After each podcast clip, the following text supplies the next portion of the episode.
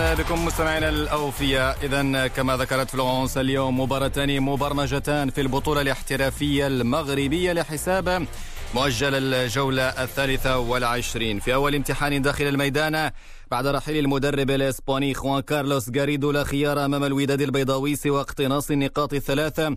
أمام متذيل الترتيب رجاء بني ملال خاصة بعد التعادل الأخير المخيب في الكلاسيكو ضد الجيش الملكي. ربان سفينة القلعة الحمراء الجديدة. أنخيل جاموندي يعي جيدا أن إبعاد الانكسار تمر عبر بوابة الانتصار في أول ظهور له. ولو أن جاموندي سيقود هذا اللقاء من المدرجات باعتبار أنه لا يحق له الجلوس في دكة البدلاء هذا الموسم إذ سبق له تدريب حسن يتجدير وسيساعد كل من طارق شهاب وسعد كرمان ضمن طاقمه التقني المساعد. الفريق الأحمر الأحمر يحتل الصف الثاني بفارق أربع نقاط عن المتصدر الغريم الرجاء. وسيفتقد الوداد دائما لخدمات قائد إبراهيم النقاش ولو أنه تعافى من فيروس كورونا. في المقابل سيسعى الفريق المللي لمواصلة أداء المبهر مع فروق المقدمة. ولما لا مفاجأة الوداد في عقر الدار وفي قمة مؤجل الجولة الثالثة والعشرين اتحاد طنجة الساعي لتفادي النزول يستضيف الجيش الملكي وعين فارس البغاز على تجاوز الضغط وتحقيق انتصار في أمس الحاجة إليه للخروج من المركز ما قبل الأخيرة بعد طول انتظار. مراد ليس بيسير أمام العساكر الطامحين إلى إنهاء مسلسل خمسة تعادلات متوالية.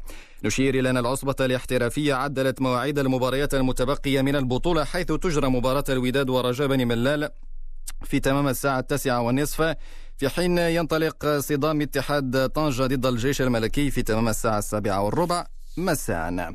نبقى في القارة الإفريقية هذه المرة في مصر في خطوة غير منتظرة ومفاجئة. أجواء مشحونة داخل نادي الزمالك المصري. خصم الرجاء البيضاوية في نصف نهائي دوري أبطال إفريقيا. كيف لا؟ ومدرب الفريق المصري الفرنسي باتريس كارتيرون خط أمس استقالته من تدريب النادي بشكل مفاجئ. وسدد كارتيرون قيمة الشرط الجزائي للقلعة البيضاء بشكل فوري والذي يقدر ب 250 ألف دولار وأوضحت التقارير أن باتريس كارتيرون قد تلقى عرضا مغريا آخر. وكان كارتيرون قاد الفارس الأبيض للتتويج ببطولتي السوبر الإفريقية على حساب الترجي التونسي والسوبر المصرية على حساب الأهلي كما نجح في تأهيل الزمالك إلى نصف نهائي Champions League الإفريقية. ونذكر أن الزمالك سيلاقي الرجاء شهر أكتوبر المقبل.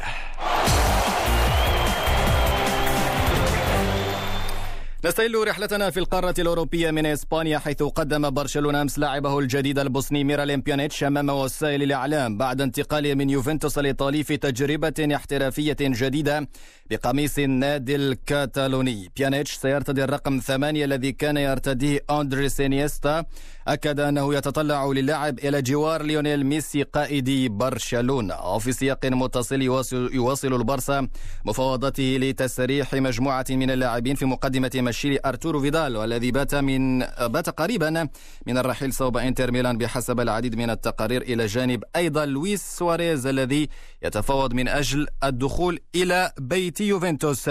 نبقى في الأراضي الإسبانية. تأهبا للموسم الجديد من الدوري الإسباني لكرة القدم. نجح أمس ريال مدريد من الفوز على خيتافي بسداسية نظيفة. نذكر أنه اللقاء لريال مدريد سيكون الأحد المقبل ضد ريال سوسيداد. في أخبار اللاعبين في إنجلترا ثلاثة أعوام إضافية للمهاجم الدولي بيير إمريك أوباميونغ مع أرسنال بعدما جدد عقده أمس ليقطع النادي اللندني الطريق على كافة الأندية التي كانت ترغب في الظفر بخدمات أوباميونغ وحصل بيير إمريك أوباميونغ على جائزة أفضل لاعب في أرسنال الموسم الماضي حيث دون 29 هدفا. رفقة ال Gunners. نختم بأخبار الكرة الصفراء حيث تشد الأنظار اليوم صوب الظهور الأول للماتادور الإسباني رافائيل نادال في بطولة روما للتنس الألف ذات الألف نقطة وذلك ضد مواطنه بابلو بوستا لحساب الدور الثاني. نادال سيدافع عن لقبه بعد غياب لستة أشهر بسبب الجائحة العالمية كما سيلعب المصنف الأول عالميا نوفاك جوكوفيتش ضد الإيطالي سيلفاتوري كاروسو.